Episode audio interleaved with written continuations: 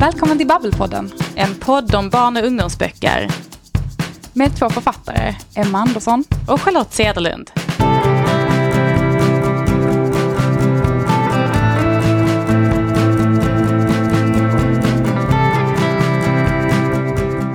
Charlotte, vad skriver du just nu? Alltså jag skriver ju alltid många saker samtidigt. Men det projektet som jag känner att jag ska fokusera lite mer på det är faktiskt en ungdomsfantasy. Eh, något som kommer bli ja, men en portalfantasy som liksom tar sin början i Lund tänkte jag. Vad spännande. Var, alltså, varför valde du att ha det i just Lund? Det känns som att eh, det är väl lite kul att ha det i sitt närområde på något sätt. Jag tror faktiskt att det var för att jag skrev ju, eller förra året så gav jag ut en, eh, en annan ungdomsroman som icke, inte var fantasy och den var baserad i Lund. Och jag tror att det öppnade upp lite för mig att jag kanske kunde skriva närmare hemma än jag trodde. Ja, för du har ju, du har ju haft liksom fantasy i liksom urban setting liksom, eller Mm. så. Men då har du ju varit eh, uppe i Kiruna, vilket kändes ju minst lika exotiskt nästan för oss skåningar som, som att du hade skrivit om en helt fiktiv värld, skulle jag ju säga. Ja men faktiskt. Det var ju, eh, och särskilt när jag jobbade med första boken så var det i princip som en fiktiv värld för mig för jag hade inte varit där ändå. Ja. Det har jag ju varit nu. Men absolut, det är väldigt stor skillnad. För nu kan jag, om jag vill skriva om universitetshuset här i min bok, så kan jag gå och titta på universitetshuset. Ja, precis. En fördel kan man kanske säga. Ja, men jag tycker det är jätteintressant just det här att liksom, dels att välja liksom setting för sin värld, men just också att göra liksom det vardagliga, det man liksom ser varje dag, magiskt på något sätt. För jag tycker det, det kanske inte är så konstigt, tänker jag, så här, till exempel att du så här, valde Kiruna, eller nu vet jag inte hur du tänkte, men, men just därför att det kändes så exotiskt och det kändes så annorlunda, att det liksom, det är så lätt att man tycker att någonting annat som man inte själv eh, ser varje dag är liksom vackrare, liksom mer spännande. Det är lättare att föreställa sig att något magiskt skulle kunna hända på någon plats som man tycker är så här, wow, fantastisk. Liksom. Men, eh, ja, men gator man går förbi på varje dag är det så lätt att man kanske blir liksom lite hemmablind. Att, att det är svårt att se det fantastiska i sin egen vardag. Ja, men det tror jag faktiskt, för jag, jag känner att det är utmanande. Att när jag skrev om Kiruna så kändes allt spännande. Alltså om jag beskrev ett norrsken så var det spännande. Att bara beskriva snö i stora mängder, otroligt spännande. Men jag håller med dig, alltså en eh, höstgrå Lundagata med lite slaskiga löv och duggregn. Jag har lite större problem att göra något spännande av det. Ja, men precis. Jag vet en som, som faktiskt har valt att skriva om Malmö. Och Mm. jag bor ju i Malmö, så Mm. jag tycker ju det är liksom lite extra spännande på något sätt.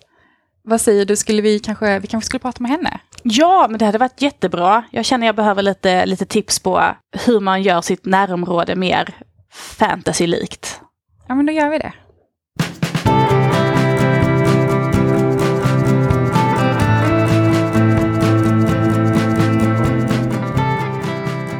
Är Malmöförfattaren som läser kopiösa mängder böcker och särskilt fantastik.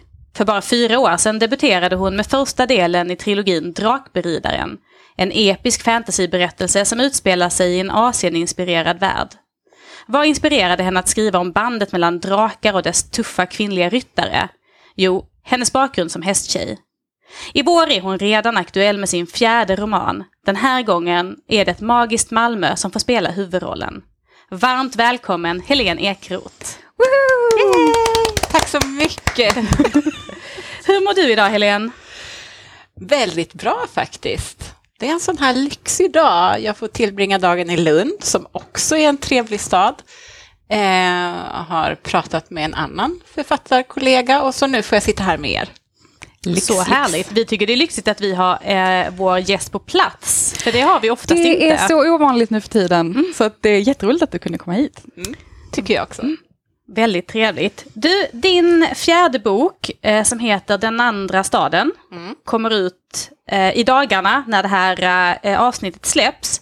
Och det är inte bara din fjärde bok utan din fjärde fantasybok. Vad är det egentligen som lockar dig så mycket med just fantasyn? Ett kort svar på det då. Um, Jag tänker så här att fantasy är som att lägga på liksom det här extra gräddiga lagret på den vanliga romanen. För du har alla ingredienser som du har i en annan skönlitteratur, men så får du lov att lägga på eh, det magiska och det fantastiska som ger den här eh, dimensionen till att öppna upp andra världar. Det tycker jag är helt fantastiskt. Ja, vi håller väl med va, Emma? Ja, Eller vad säger du? Ja, men verkligen. Det, jag skulle säga att jag hade haft ungefär samma svar. Ja, precis. Och jag menar, du har i dina tidigare tre böcker så har ju du valt att skriva om en värld som är helt fiktiv kan man säga. Och i den här nya boken så är vi ändå på något sätt i Malmö. Det är det som är vår eh, spelplan. Hur kom det sig att du valde att göra den, alltså den förändringen från liksom helt fiktivt till semifiktivt? Mm. Precis.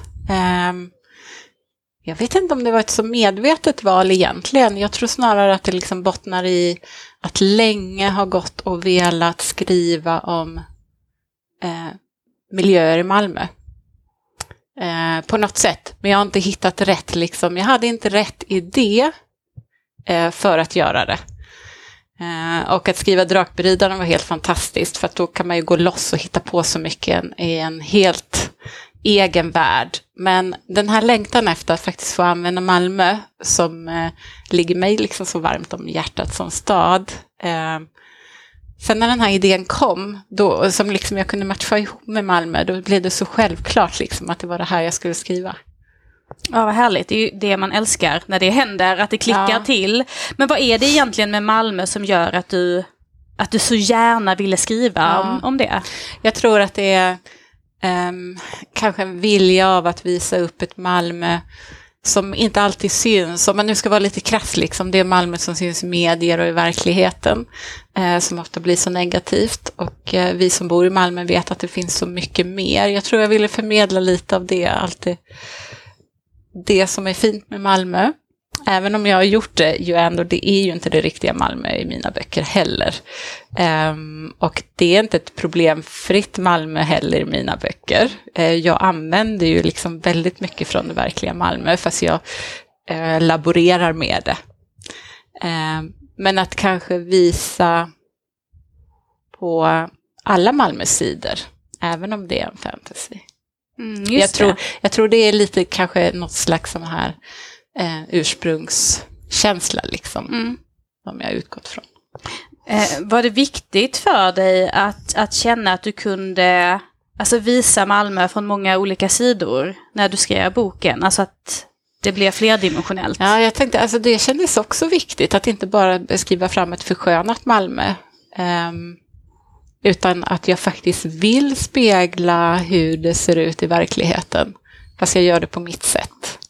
När du då valde att spegla staden, hur, eh, hur valde du vad, vad du skulle visa? Alltså, för jag menar, Malmö är ju det är liksom, det är en stor stad, det är Sveriges tredje största stad. Det finns många olika områden, det finns många olika människor. Hur, hur valde du vilka delar det var som, som skulle vara viktiga för den här berättelsen? Oh, det är faktiskt en ganska svår fråga att svara på. Eh, för vissa saker eh, har jag nog valt medvetet eh, och vissa saker har nog eh, liksom fallit på plats för att det passar i storyn helt enkelt, eh, förstås. Men en, en sån här grundläggande grej som jag ville spegla och som jag medvetet valde, det var den här rädslan för det okända och att behöva ha någon som du, eller något, kanske snarare i mitt fall, som du pekar ut som är lite orsaken till det som inte är bra, liksom en form av ondska då, eller Mm. ja. Och jag tänker att vi utan att egentligen spoila jättemycket kan säga att i din version av Malmö så är det människor som bär på magi. Ja. Som är det här okända. Och som man är väldigt rädd för, eller hur? Ja, det är ju det. Det är ju ett magiskt Malmö, men ehm, där magin faktiskt ses som någonting som är roten till det onda Mm. i väldigt stor utsträckning. Ja. Och därför eh, är man också rädd för de personerna som har magi. Mm, just det. När jag läser din bok så är det ju det som är otroligt roligt för mig som är ja, men uppvuxen nära Malmö och har tillbringat mycket tid i Malmö är det ju att det finns väldigt mycket geografiska markörer. Alltså vi har, vi har gatunamn, vi har namn på platser och vi har eh, beskrivningar och byggnader som, som jag känner ju igen mig jättemycket. Men när vi är, vi är i, vi är i centrum, vi är på kyrkogårdarna, vi är på HIP som är en, det var en teater, jag vet inte ens vad det egentligen är. Om det är teater fortfarande kanske. Ja, de har väl haft stängt ett tag nu. Ja, jag måste säga, vad är det nu? Mm. Hur valde du, alltså vilka platser du ville röra dig mellan egentligen? Ja, jag har ju faktiskt medvetet valt ganska många platser i centrala Malmö. Mm. Eh, just av den orsaken att, att då blir det lätt för många att känna igen sig. Mm. Um, och sen har jag valt några andra platser som kanske också är sådana här platser som, ja men till exempel Möllevången, som ändå, även om man inte har varit i Malmö, kanske du har hört talas om eh, den platsen. Eh, men också specifika hus. Jag har ju gått lite på husjakt då, eh, tillsammans med en av mina testläsare. Och lite valt ut så här hus som jag vill använda i berättelsen. Vilket har varit superroligt måste jag säga. Det är fördelen med att välja liksom en fysisk plats. Att du behöver ju inte hitta på hur allting ska se ut själv. Eh, utan att du kan, så här, jo men hon kan bo i det här huset. Eh, det har varit jätteskojigt. Men jag tänker också det du säger med att liksom namedroppa många platser. För det har jag pratat med andra om. Att, att det är också så att en läsare som aldrig har varit i Malmö måste ju också få en känsla för liksom, staden. Eh, och jag har försökt jobba rätt mycket med det, att inte bara nämna liksom ett gatunamn, utan att på något sätt också få in liksom en känsla, ja men mm. vad, hur ser den där gatan ut och vad, hur känns det att gå där? Och där hade jag kanske kunnat komma ännu längre, liksom, men jag har försökt göra det för att inte liksom exkludera personer som inte har varit i Malmö. Nej, och, och, det tror jag säkert att du absolut inte gör. Jag läser ju utifrån mitt mm. Malmöperspektiv ja. att jag, jag ser, säger du hipp så vet jag hur ja. hipp ser ut. Mm. Eh, och jag tänker att det som är, är, roligt med att du gör det, det är att jag tycker att vi ganska ofta läser litteratur som kommer som är skriven med Stockholm som bas, där det är otroligt mycket av den här geografiska markörerna mm. från Stockholm. Mm. Så det är väldigt härligt att det kommer från en annan stad tycker jag, en stad som, som ligger nära mig då. Eh, men vad tyckte, för menar, vi vet hur bokbranschen är, merparten av alla förlagen ligger i Stockholm. Ja. Vad tyckte ditt Stockholmsförlag om att det kom en, en Malmöbok på det sättet? Ja, de... Eh, jag tror de har kanske inte uttalat det sådär eh, direkt till mig. Men de har ju aldrig haft några invändningar å andra sidan. Jag tror min förläggare tycker att det är ganska roligt att det är Malmö, för hon har också ett förhållande till stan, så, även om hon bor i Stockholm. Men jag tycker det är jätteroligt att du lyfter det där, för det är ju så inom and, andra genrer också, att ja, men, kriminalromaner och så vidare, även om vi då nu ser rätt mycket från norra Sverige och annat, men att mycket är Stockholm. Eh, Malmö känns väldigt osynligt på den litterära kartan. Mm. Det är inte många böcker eh, som utspelar sig i Malmö. Jag tänkte att det mm. kanske Ja, men det, det, känns roligt att kanske få bidra lite till att sätta Malmö lite på kartan. Så. Ja, men verkligen, för det, det är någonting jag har tänkt på mycket, för om man nu tänker liksom eh, den, den kanske vanligaste boken som skrivs, typ deckaren till exempel. Eller så, det, det, det är som att man kanske inte riktigt vågar befinna sig i Malmö. Eller så, det, kanske är lite, det, det kanske är lite för mycket man känner att man måste beröra då på något sätt, jag vet inte. Ja. Eh, men för, för jag tänker att Malmö för mig annars är ju mer så här, ja, men kanske tv-serier där de säger till exempel att det utspelar sig i Malmö, men sen så känner man ju uppenbart att så här, det här är inte en Malmögata. Jag vet inte riktigt vad de har gjort, spelat in det här, men, men jag känner inte igen mig här. Och det var det jag tyckte var så roligt med SVT-serien Tunna blå linjen. Ja. Eh, alltså så här, att de var i Malmö, ja. man känner igen var de befinner sig någonstans. Och det kändes som Malmö ja, när man ja, verkligen, på serien. Verkligen. Um. Eh, och jag tyckte också så här, men, men där fick ju kanske Malmö en lite så här, jag vet inte, socialrealistisk stämpel nästan. Eller så här, för i och med att det, så här, det, var inte, mm. det var inte ens mord, det var liksom så här, mm. de vardagliga brotten. Mm. Typ. Eller så här, det var verkligen den Precis. feelingen. Liksom. Jag tänkte lite så här, liksom, hur, har du, hur har du tänkt för att göra liksom, det, här, det här vardagliga, det liksom, realistiska på något sätt magiskt? Jag kan ju bara säga först att jag tror att man kommer ju undan lite när man skriver fantastik, liksom, för att jag måste ju inte spegla eh, exakt det verkliga Malmö. Mm. Eh, vilket kanske är en större utmaning, precis som du säger, att göra. Mm. Eh, faktiskt. Jag kan ju välja vad jag plockar upp och vad jag skruvar på. Även om det ligger där liksom under till liksom, det verkliga Malmö. Grejen är att jag tänker inte så mycket på det, för det kommer av sig själv. Mm. För att jag ser liksom det, det fantastiska överallt, hela tiden.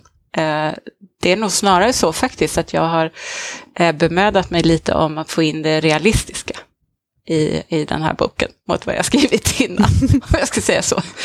Um, för att, uh, jag menar Lux som är huvudperson, hon går på en gymnasieskola som finns i Malmö, uh, där en, en av mina egna söner har gått. Liksom. Jag har ju hem, försökt hämta liksom, där jag har en, kanske en, någon relation eller en känsla eller någon kunskap om, uh, om saker och försökt få in, få in det. Sen det magiska, det kommer ju Alltså det kommer alltid av sig själv.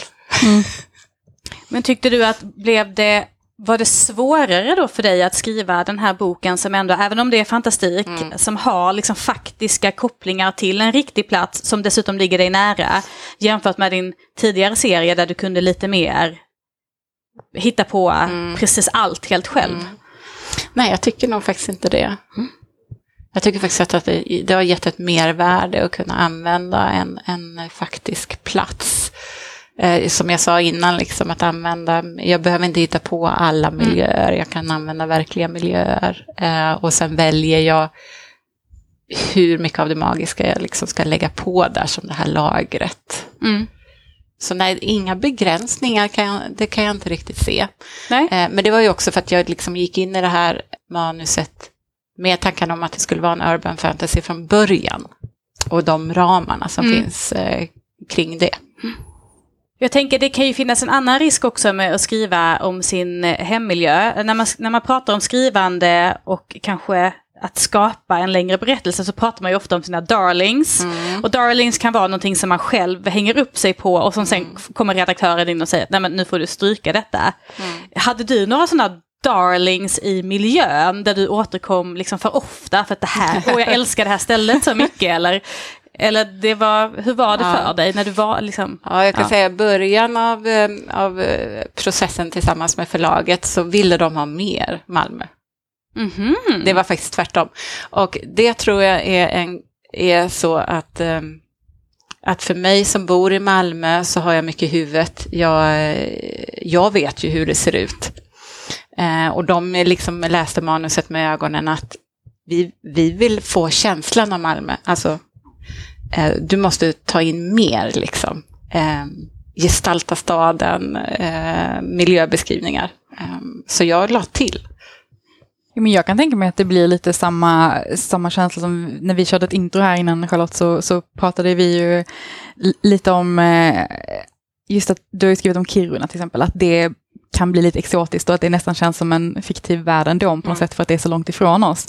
Och jag tänker, det, i och med att vi har Malmö så nära och jag bor själv i Malmö så, här, så, så, tänker man inte riktigt så. Men för någon som kommer långt bort ifrån, till och med kanske Stockholm, så kanske Malmö också känns lite exotiskt. Mm. Liksom, eller så att man vill kanske få samma känsla där på något sätt. Ja, och jag tror fortfarande att, att många kan, kanske är så här. Eh, en del är lite rädda för Malmö, en del är mm. nog väldigt nyfikna på Malmö. Jättemycket unga personer flyttar till Malmö för att det liksom är en stad som lockar. Mm. Um, så jag tror, jag tror att det är en bra stad att skriva om. Ja, och det som du säger, det, Malmö får ju generellt ganska mycket skit i media. Ja. Eller så, så ja. det, det, det, är också kul att kunna visa en annan bild liksom, ja. av, av stan. Eh, och som sagt, vi som bor där och vi som flytt, eller folk som flyttar dit gör ju också det av en anledning, mm. för att det eh, finns så mycket mer. Mm. Du säger ju själv att du har, men, du har fantastiken i huvudet och när du går i Malmö så har du, du har ganska mm. mycket sett det du ville skriva. Ja jag tänker att det finns, det finns något väldigt lockande med den här väldigt socialrealistiska storstaden och det magiska lagret ovanpå. Hur tänkte du själv när du vävde ihop de här två delarna? För det tycker jag du har gjort väldigt fint. Det mm, flyter mm, väldigt, det flyter väldigt så med varandra under berättelsen. Ja, ja roligt att höra jag kan säga när jag var i början liksom av, av, eh, av skrivandet så gick jag, jag gick mycket i Malmö faktiskt, även om jag liksom men jag gick i Malmö och, och, såg saker, försökte se saker på ett annat sätt. Så här. Jag fotograferade väldigt mycket. Eh, så fort jag kände att ja, men det här kanske jag vill använda i manuset. Eh, så jag la upp en liten bildbank faktiskt.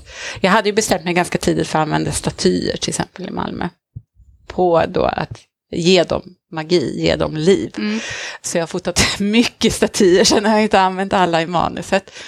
Men, men det krävdes nog lite faktiskt att jag, att jag själv gick runt i stan och började se stan ur det här andra perspektivet, liksom, just för att se var, var kan jag få in det magiska. så. Eller var vill jag få in mm. det? För att Lux lever ju också ett ganska normalt liv. Jag menar, hon bråkar med sin mamma och hon, går, hon är liksom lite halvdålig i skolan. Um, tycker det är lite kämpigt. Uh, och sen har hon då det här helt andra livet där hon, um, eftersom hon har magi och har en förmåga liksom att, att se saker, till exempel, mm. som andra inte kan se. Um, så det, var, det var faktiskt ett, ett litet pusslande, men det, jag tyckte det var väldigt roligt. Och, roligare än vad jag trodde, att mm. använda också det realistiska. Det måste jag säga, att uh, det var kul med kombon. Just det. Ja. Ja, ja men jag förstår det. Mm. Eh, och jag gillade ju också verkligen det här eh, alltså greppet med statyerna. För att jag vet inte hur ni andra är, eller ni som lyssnar på podden. Ni kanske är superuppmärksamma och lägger märke till alla statyer. Mm. Det gör uppenbarligen inte jag. Eh, eh, så därför var det väldigt roligt att läsa när du, du beskrev, det är katter nere vid kanalen och det är någon grip va, någonstans. Mm. Men det är flera olika, ja, det är flera olika statyer och så får, fick jag börja tänka där nu, men har jag sett någon katt nere vid kanalen? Ja, det har jag kanske. Men så här, och det är ju en sån rolig association. Alltså för då grundar man det verkligen i den verkliga platsen, tänker jag. Ja. Jag tycker det är jättekul, för jag, jag, har, ju, jag har ju faktiskt haft förmånen att testläsa ditt manus. Eh, och jag bor ju själv också i, inne i liksom stan i Malmö, så att jag, många av mina så promenadrundor går jag ju mycket förbi. Eh, många liksom ställen där det utspelar sig i boken. Så jag, jag, jag tycker att jag, eh, men sen jag läste ditt manus, att jag, att jag så här, tittar på de sakerna mycket mer. Eller så här, att, att, det är liksom, eh, att, jag, att jag har blivit bättre på att lägga märke till för att jag så här, kikar efter de sakerna liksom, på ett annat sätt nu, eh, vilket är jättekul tycker jag. Och det, jag måste säga att det är ju någonting som jag hoppas på faktiskt, för jag har ju lyft upp, dels faktiskt har jag ju plockat upp några verkliga, alltså historiska referenser kring Malmö som jag använder Eh, lite kanske i bok, nu skriver jag ju på bok två, så att det är ju bok två också jag har i huvudet, men jag, jag gör det. Eh, och, ja, men, och så då statyerna som faktiskt finns på riktigt. Eh, för att jag tänker också att det kan väcka ett intresse, liksom, att eh, även då för liksom, unga som bor i Malmö, att saker man kanske inte visste, eller ja, men som du sa, inte har lagt märke till, eh, att det ger en ny dim dimension till, till staden. Ja, och jag tänker att det är även, liksom för, även om man bor i en annan stad, att liksom ja. kanske ändå så här, kika lite, så här, men vad, vad finns det för så här, dolda ställen i min ja. stad? Eller så här, ja. Är det någonting jag har missat liksom, i min egen stad? Liksom? Eh, för, för det är ju så himla lätt att man blir hemmablind, liksom. eller så man ser inte det fantastiska i sin egen vardag på något sätt. Eller hur, att, liksom, att se. Och jag, jag tyckte det var så kul, för min förläggare var nere, det var nog någon gång i höstas så var min förläggare nere, alltså privat då, eh, i Malmö och så la hon upp just en bild på en av katterna nere vid kanalen. Mm. Då, då, det var ju när vi höll på att jobba med manuset mm. och då blir det bara så, oh, alltså just det där nyfikenheten som växer. Nu måste jag ändå gå och kolla på den där katten. Um, hur ser den ut i verkligheten liksom? Jag gillar det. Jag tycker det är kul. Men jag tycker, det, jag tycker det är kul också lite eh, liksom hur, hur, hur man jobbar när det finns någonting att att liksom förhålla sig till. För jag tänker att när man skapar liksom en fiktiv värld så är det lite mer att man kanske så börjar med ett vitt blad på något sätt. Alltså så att jag, nu måste jag börja skapa någonting från grunden och sen så kan man absolut så ta in kanske element som finns och twerka till dem. Liksom. Men liksom här känns det som att du på något sätt har jobbat från andra hållet. Att så här, du utgår från någonting som finns, hur liksom, twistar jag det eller hur liksom, Ja. modellerar jag Ja. om det? Så här, istället för att liksom, börja från scratch på något sätt. Ja. Eh, Alltså, så att det, det är som att du kommer in från andra hållet. Ja, absolut. Jag har jobbat jättemycket ju så med det befintliga i Malmö och egentligen inte lagt till. Jag har ju inte ändrat till exempel på miljöer eller någonting. Jag använder bara eh, saker som finns på riktigt i Malmö. Det är ju att jag twistar till dem. Så att det blir liksom magi. Det är ju, jag använder ju kyrkogårdar också. Det, eh, kyrkogårdarna spelar en stor roll i boken. Och, eh, ja, men det är platser som finns där liksom och du kan gå dit och titta så här. Har du varit och tittat mycket på kyrkogårdarna undrar Ja. jag då. ja, just Östra kyrkogården då, som är ju kanske den viktigaste kyrkogården Mm. i boken. Där, eh, jag har till och med gått hundpromenader där för att och liksom fota. Eh, ja, jag tänker det är ju lite sådana scener också det, när det är eh, natt eller kväll på kyrkogården. Ja. Jag har inte... jag har inte gått där på natten faktiskt. Nej, jag känner mig ändå lite, det känns lite skönt att du säger det för det hade jag nog inte vågat själv. Nej, inte jag Ja. heller. Hade inte börjat gräva det heller kan jag säga. Eh, och eh, det som är intressant om man läser din bok också sen, det är ju att man får reda på att det är inte bara att det finns den här versionen av Malmö, utan det Nej. visar sig att det finns eh, åtminstone ett annat Malmö till, om jag har tolkat det rätt. Och eh, jag tror att jag inte spoilar nu heller, för där får vi reda på ganska tidigt att det, det Malmöt där vi är i, i berättelsen, där finns magi, och sen så är det andra Malmö, så har det funnits magi, men det har försvunnit. Ja. Hur kom du på den, eh, alltså hur blev det en del av din berättelse att det skulle vara den, att det var det som var skillnaden mellan de här två städerna? Ehm, ja, att det skulle vara en portalfantasy eh, och liksom två Malmö. Jag är jättefascinerad av det här med liksom eh, flera dimensioner generellt. Alltså jag tycker om böcker som handlar om det, där du kan gå mellan dimensioner. Eh, Så det var ju en grundtanke som fanns från början. Sen växte det nog fram lite hur de här... eh, Jag visste att det ena Malmö skulle vara ett magiskt Malmö, just för att kunna väva in liksom element och också eh, varelser, kan vi väl kalla det, eh, som fanns i det här, som inte finns på riktigt. Och då blev det nog så att det andra Malmö, jag ville att det skulle vara en stor kontrast mellan dem. Och att de också skulle, det andra Malmö skulle ha påverkats, eller båda Malmö skulle ha påverkats av att eh, portalen mellan dem var stängd. Och då blev det nog liksom en naturlig sak, liksom att om inte magin kan flöda mellan städerna, då blir den fast i den ena staden och den andra blir utan. Och då blir magin kanske farlig på ett ställe. Ja, Ja, mm. för du har inte balans längre. ja men det är jätteintressant. Ja, jag är så, som sagt, jag är så pepp. Men då sitter du alltså och jobbar med den andra delen just nu. Precis, det är ju tänkt att bli två böcker, Mm. alltså i den här serien. Precis, och den andra boken kommer, vet vi det än? finns en preliminär plan och ja, det ska väl inte dröja allt för länge innan bok två kommer, hoppas jag. Just det, vad spännande. Det ser vi verkligen fram emot. Mm.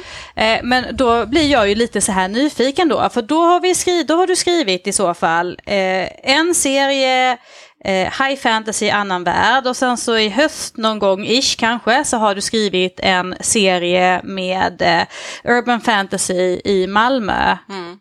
Vad väljer man att göra sen då? Man väljer att skriva någonting som inte är en serie. det kan jag säga. Eh, det har jag liksom absolut bestämt mig för. Eh, Ingen serie? Nej, så, så kommer, säger jag någonting om att jag ska skriva en serie igen så bara säg nej, nej, nej, det ska du inte. Du ska skriva en standalone. Jag kan väl säga att det jag går och klurar på är ju fantasy. Just det, så det är inte så att du har blivit så charmad av de här realistiska bitarna som du har jobbat med nu i det här Malmöprojektet att du kanske skulle testa att skriva någonting utan de fantastiska inslagen. Jag tror inte det, nej. Inte, inte det som blir nästa romanprojekt i varje fall. Alltså både jag och Emma är ju stora fantasyfans så vi blir Ja. ju inte ledsna Nej, av det svaret. gråter inte för det. Men vi ser jättemycket fram emot att se vad som kommer härnäst. Jag ser fram emot del två i den här serien. Och vi är jätteglada att du ville komma hit och prata med oss idag, så tack snälla för det. Tack så mycket. väldigt trevligt att vara här.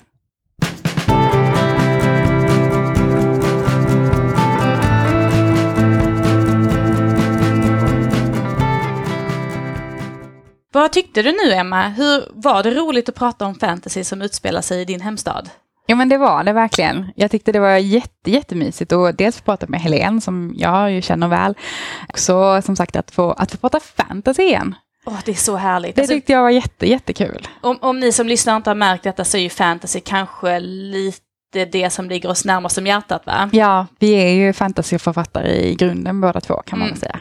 Så att det, det var väl superkul. Eh, jag tyckte det var jättehärligt att få prata fantasy och som sagt, det är väl lite extra roligt när, när man som sagt lyckas göra sin, eh, sin, sin vardagliga, liksom, sitt vardagliga liv, gatan man går på varje dag, till någonting lite magiskt. Det är väl underbart Eller hur? jag. Och det kändes som att det hade Helene koll på. Mm. Jag ska verkligen, eh, ja jag ska försöka tänka mer som hon gör när jag skriver. Precis. Och jag tänker också att det roliga med fantasy eh, är ju också liksom att det drar väldigt mycket folk på något sätt. Alltså det blir väldigt lätt samlingar kring fantasy. Alltså fantasy har ju en väldigt stark ja, men fanbase, liksom, mycket. Eh, det finns mycket grupperingar som samlas kring ja, men fantastik generellt kanske, men, men, eh, men kanske fantasy speciellt.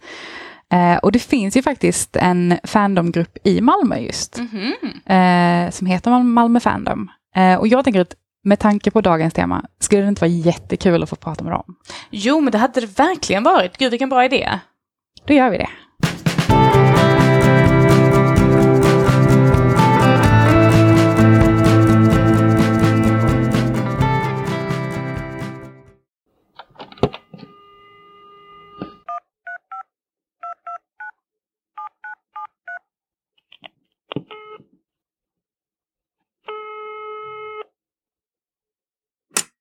Hej Katarina Järpe. Hej Katarina, det här är Emma på Babbelpodden. Hur mår du idag? Jag mår bra, hur mår du? Jo då, jag mår bara bra. Så himla roligt att du ville vara med och prata med oss idag. Ja, det är kul att få vara med. För du är ju med i någonting som heter Malmö Fandom. Och för de Mm. som är oinsatta, vad är Malmö Fandom för någonting? Ja, det är alltså fans eh, av eh, science fiction och fantasy, främst litteratur men även annat. Och eh, det är egentligen en eh, rätt lös sammanslutning. En del av oss är med i eh, det som kallas för Malmö Lund Science Fiction och Fantasyförening. Men det är inte alla. Utan man kan bara komma med. Före covid hade vi en hel del pubträffar och sånt. Nu har vi mest vi har digital bokcirkel och pratar om en bok varje månad. Gud vad Och mysigt. Mm. Det finns en Facebookgrupp också som man kan snacka i. Så det är liksom att ni, ni har samlats för att ni har det gemensamma intresset science fiction och fantasyböcker i princip? Mm. Ja, gud vad härligt. Hur hittade du till Malmö Fandom? Ja, om jag kommer ihåg rätt så var det första att jag var med på en kongress som de ordnar som hette Lundcon för några år sedan. Eh, då, man, då det då var mer program kring, kring science fiction och fantasy. Och då var jag på väg att flytta tillbaka till Skåne för jag har bott i Linköping ett tag. Och då tyckte jag att ja, men det är ett jättebra sätt att träffa folk, att de har pubträffar och så. Så då var jag med på det. Och då har det varit både i Lund och i Malmö. Lite olika. Behöver man, du får ta det här på rätt sätt, behöver man vara väldigt nördig för att vara med i en sån här fangrupp? Eller, liksom, eller på vilken Nej. nivå behöver ens intresse vara, liksom, tänker jag? Nej, alltså vi pratar ju om lite det som folk råkar vilja prata om. När det är en bokcirkel så är det ju en fördel att ha läst boken men det är inte alltid man kan komma ändå och bara sitta och lyssna vad folk säger om, om boken. Ehm, så att nej, jättenödig. Alltså, om man själv känner att det skulle vara kul att träffas och prata science fiction och fantasy så är man nog tillräckligt nördig för att vara med. Och det är ju inte alltid samma personer varje gång heller utan det är lite olika. Så himla kul. Eh, vet du om det finns liksom liknande såna här grupper i andra städer? Ja, alltså Fandom som begrepp är ju jättebrett och finns i hela världen. Och när jag pratade med de andra så sa de att eh, Göteborg, Linköping, Stockholm och Uppsala är de som har de mest aktiva grupperna i Sverige. Och det är ju många som ordnar kongresser och sådär som man kan åka på om man tycker sånt är roligt. Jag upplever som att det det är just det som är så himla härligt med, ja, med fantastikgenren, för det känns som att det är en sån samlande kraft på något sätt. Alltså det, jag, tycker, jag upplever det verkligen som att, ja, men som sagt som du säger, att här, det är folk som anordnar kongresser och, liksom så här, och bjuder in. och så här, ja, men Det känns lite unikt på något sätt, på ett väldigt fint sätt tycker jag. Eh, ja. Men varför är, just, alltså, varför är du med i Malmö Fandom? Alltså, vad ger det dig som person? Ja, det är ju att ha folk att prata med om de här sakerna. Och ibland också upptäcka nya böcker och annat som vi diskuterar. Att jaha, men då kanske jag ska läsa den här boken, även om den inte är med i bokcirkeln. Och, eller se den här filmen eller så. Och ja, nej, det är väldigt kul sätt att träffas på. Mm. Vi pratade ju tidigare med eh, författaren Helene Ekeroth som kommer ut med en eh, fantasyroman för ungdomar eh, och den utspelar sig i ett slags parallellt magiskt Malmö. Och mm. som Malmöbo och fantasyfan, ser du Malmö som en magisk plats? Ja, det tycker jag väl. Sen tycker jag lite det som är roligt med urban fantasy är att allting kan vara magiskt. Så att även om man kan känna att en sån plats som eh, Lejonpassagen vid Stortorget som är så här lite gammaldags, att den kan verka magisk eller Folkets park eller så. Så kan det ju vara lika magiskt i en parkeringsplats eller i ett köpcentrum och det är det som är lite kul. Och sen en annan sak som jag tycker är magiskt med Malmö det är att eftersom det är så pass stort så hittar jag hela tiden nya platser som inte jag kände till. Och det tycker jag är väldigt kul. Ja, det, det tycker jag väl, det är väl det roliga Alltså dels i och för sig med en storstad, men jag tror också att så är det väl nog för alla tror jag. Att bor man på ett ställe tillräckligt länge så hittar man ju alltid de här små grejerna som man kanske inte ja. har, har, sett innan. Det är superkul. Men vad, vad föredrar du själv att läsa, Katarina? Ja, jag eh, läser väl lite mer fantasy än science fiction, även om jag läser båda. Sen läser jag annat också, allt möjligt. Ehm, sånt som jag tycker verkar spännande oavsett genre. Mm. Och du jobbar ju även som skolbibliotekarie. Har du mm. några tips på fantasyböcker för barn och unga? Ja, jag var tvungen att begränsa mig lite här för jag har många. Men jag tog fram tre stycken som jag tänkte. Eh, en absolut favorit på senare tid är Frances Harding. Och då tänkte jag framför allt på boken De döda skuggor för det jag tycker är spännande med den är att den går inte alls, i alla fall jag kunde inte förutse vart den var på väg. Men sen när jag såg tillbaka i efterhand så var det liksom, jaha, var det det här? Det var lite grann som att lägga pussel utan att ha eh, någon omslagsbild. Utan eh, man vet inte vad pusslet föreställer förrän det är klart. Så det tyckte jag var spännande. Och sen om jag ska säga en svensk och inte eh, sådana som redan har nämnts eh, för Mårten Sandén, eh, Den femte systern, tror jag den hette, eh, som då kombinerar svenska sagofigurer och skräck och modern tid på ett spännande sätt som jag tyckte var eh, fascinerande. Att det, är inte så, det är inte så jättevanligt. Det har ju blivit mer vanligt nu men ändå, jag tyckte den var, ja, den var spännande. Och sen en barndomsfavorit av min egen är Diana Wynne Jones och eh, hon har skrivit väldigt många böcker. Men en sak som jag tycker är spännande med henne är att hon kan göra det som är vardagligt väldigt främmande. Så i flera av hennes böcker, till exempel i Det levande slottet och i Guldkragen, så börjar man i någonting som verkar vara en sagovärld och sen för hon in saker från den moderna vardagliga världen och då verkar de plötsligt väldigt magiska och väldigt konstiga för huvudpersonerna som inte alls är vana vid dem. Så det tycker jag är kul. Vilken spännande twist på något sätt, eller så här, att göra tvärtom. Eh, alltså för mm. Jag tänker att det är ofta så att man kanske börjar i något vardagligt och tar in något magiskt, men det är ju lite kul att, att göra precis ja. tvärtom. Så spännande. Tusen tack Katarina för dina tips och vad roligt att du ville berätta för oss om eh, Malmö Fandom.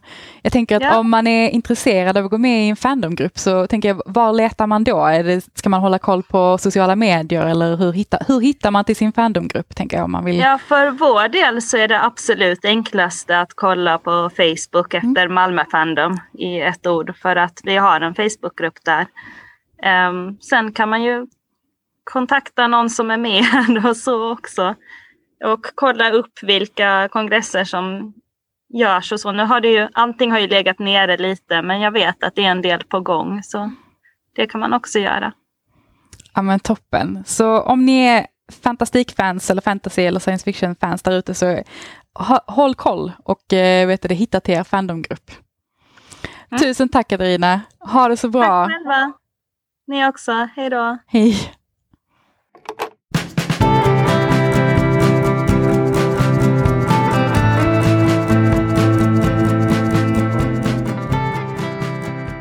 Boktips! Du, Emma. Mm? Har du läst någon bra bok på sistone? Jo men det har jag. Jag har faktiskt läst en jättehärlig, jättemysig bok eh, som heter Doften av drömmar, din hand i min. Och den är skriven av eh, Therese Henriksson och eh, det är en lättläst bok för åldern 13 plus från förlaget Hegas och den har faktiskt släppts här nu i veckan. Och eh, boken den handlar om eh, Oliver som har fått sommarjobb på ett café där det huvudsakligen serveras fika. Och eh, Oliver älskar att baka och han drömmer själv om att öppna café en dag. Och redan första dagen så träffar han Ella som han ska jobba tillsammans med. Och hon verkar sådär lite cool och annorlunda. Och, det är, och hon är först också ganska otrevlig mot honom. Eh, bland annat också för, då, för att han kommer från stan och det här kaféet ligger liksom ute på landet som man förstår det. Eh, men så börjar de då jobba tillsammans och medan de lär känna varandra så växer deras vänskap fram och ja, kanske något mer. Ja. Och jag kunde inte hitta information om ifall det här är en standalone eller första boken i en serie. Jag försökte verkligen hitta men eh, kunde inte hitta så mycket om det. Men oavsett så tyckte jag väldigt mycket om den. Och jag tyckte ju då som man kanske förstår om slutet, men jag hade naturligtvis gärna velat veta vad som hände sen. Och jag hade inte haft alls någonting emot att eh, få stanna lite längre i den här mysiga fikavärlden tillsammans med Oliver och Ella. Och jag tyckte också att den här boken var verkligen men verkligen precis vad jag behövde just nu. Den var så supermysig, romantisk, somrig, äkta feelgood-känsla. Eh, och den fick mig också att längta jättemycket efter sommaren och till att typ sätta mig och fika och kul kuriosa är också att man får receptet på eh, Ellas eh, drömkakor i slutet av boken. Så det kan också vara ett litet tips. Jag skulle säga att jag rekommenderar den här till alla som vill läsa något supermysigt, härligt och som längtar efter sommaren lika mycket som jag gör just nu. Oh, så då borde jag läsa den. För Absolut. Jag behöver definitivt sommar. Definitivt, alltså man fick så mycket sommarkänslor. Det var verkligen så här, typ springa över en gräsmatta barfota, typ. Lite den känslan man fick Ja, verkligen. härligt. Ja, det var supermysigt. Har du nog läst något kul, Charlotte? Ja, men det har jag. Jag har läst en eh, bilderbok som heter Den lilla spenatgumman. Och den är skriven av Martin Widmark och Emma Karinsdotter och så är den illustrerad av Emilia Zubak. Ja, jag ber om ursäkt för hur jag uttalar efternamnet. Eh, men den är utgiven på Bonnier Carlsen och eh, riktar sig till barn som är ja, 3 till 6 år. Och det tror jag är för att det är lite mer text i den här boken. Eh, den har ett upplägg där vi på varje uppslag så har vi en illustrerad sida och sen har vi en sida som är ganska textfull. Eh, och man får lite känslan av sagobok. Jag får det när jag läser, jag får mer känsla av sagobok än bilderbok. Och det är ju mycket för att Emilias illustrationer är helt fantastiska. Alltså de känns så magiska ut. De är alltså, magiska. Ja, hon har ju samarbetat med Martin Widmark tidigare i ett antal böcker och nu är det roligt att Emma Karinsdotter får komma med på en, på ett, eh, på en, en del i det här samarbetet. Och boken är jättehärlig. Det handlar om en liten spenatgumma som bor i skogen. Hon är alltid arg. Och det här är precis i början av våren och hon hatar våren för hon gillar egentligen när det är kallt. Eh, så hon går omkring och fräser och spottar och ryter i skogen och alla de andra i skogen är lite rädda för henne. Men så kommer det en mamma och en pojke promenerande. Och mamman hon går och tittar på fåglar och grejer och pojken är jättesur. Han vill inte vara i skogen. Och sen ser han den lilla spenatgumman. Och kvickt tar han upp henne och stoppar ner henne i fickan, tar med henne hem. Och det här blir såklart ett jättestort problem för att spenatgumman vill ju inte vara i hemmet och de andra varelserna i skogen vill rädda henne. Men kanske visar det sig att hon och den här pojken behöver varandra. Så det är lite det den här boken handlar om. Och eh, ja, men den är väldigt fin, den är väldigt mysig och när man har läst den så har man en sån här mysig, god känsla i magen. Av att liksom ha, man har verkligen få läst en saga som har ett bra slut såklart. Det låter helt fantastiskt. Mm. Så den här kan jag också verkligen, verkligen tipsa om. Den var, den var, det är en mysig berättelse som jag tror tilltalar barn och den tilltalar även mig som vuxen. Så att den är liksom till för alla, tänker jag. Men vem vill inte läsa en saga, tänker jag. Mm. Det, där vill vi väl alltid komma, liksom, igen. Eller hur? Men gud vad härligt. Det var våra boktips eh, för den här veckan. Om ni vill eh, höra av er till oss, prata med oss, kommentera någonting, tipsa om andra böcker så får ni jättegärna kommentera på Instagram eller mejla oss eller hojta till någon annanstans där ni ser oss. Ha det så bra! Hej hej!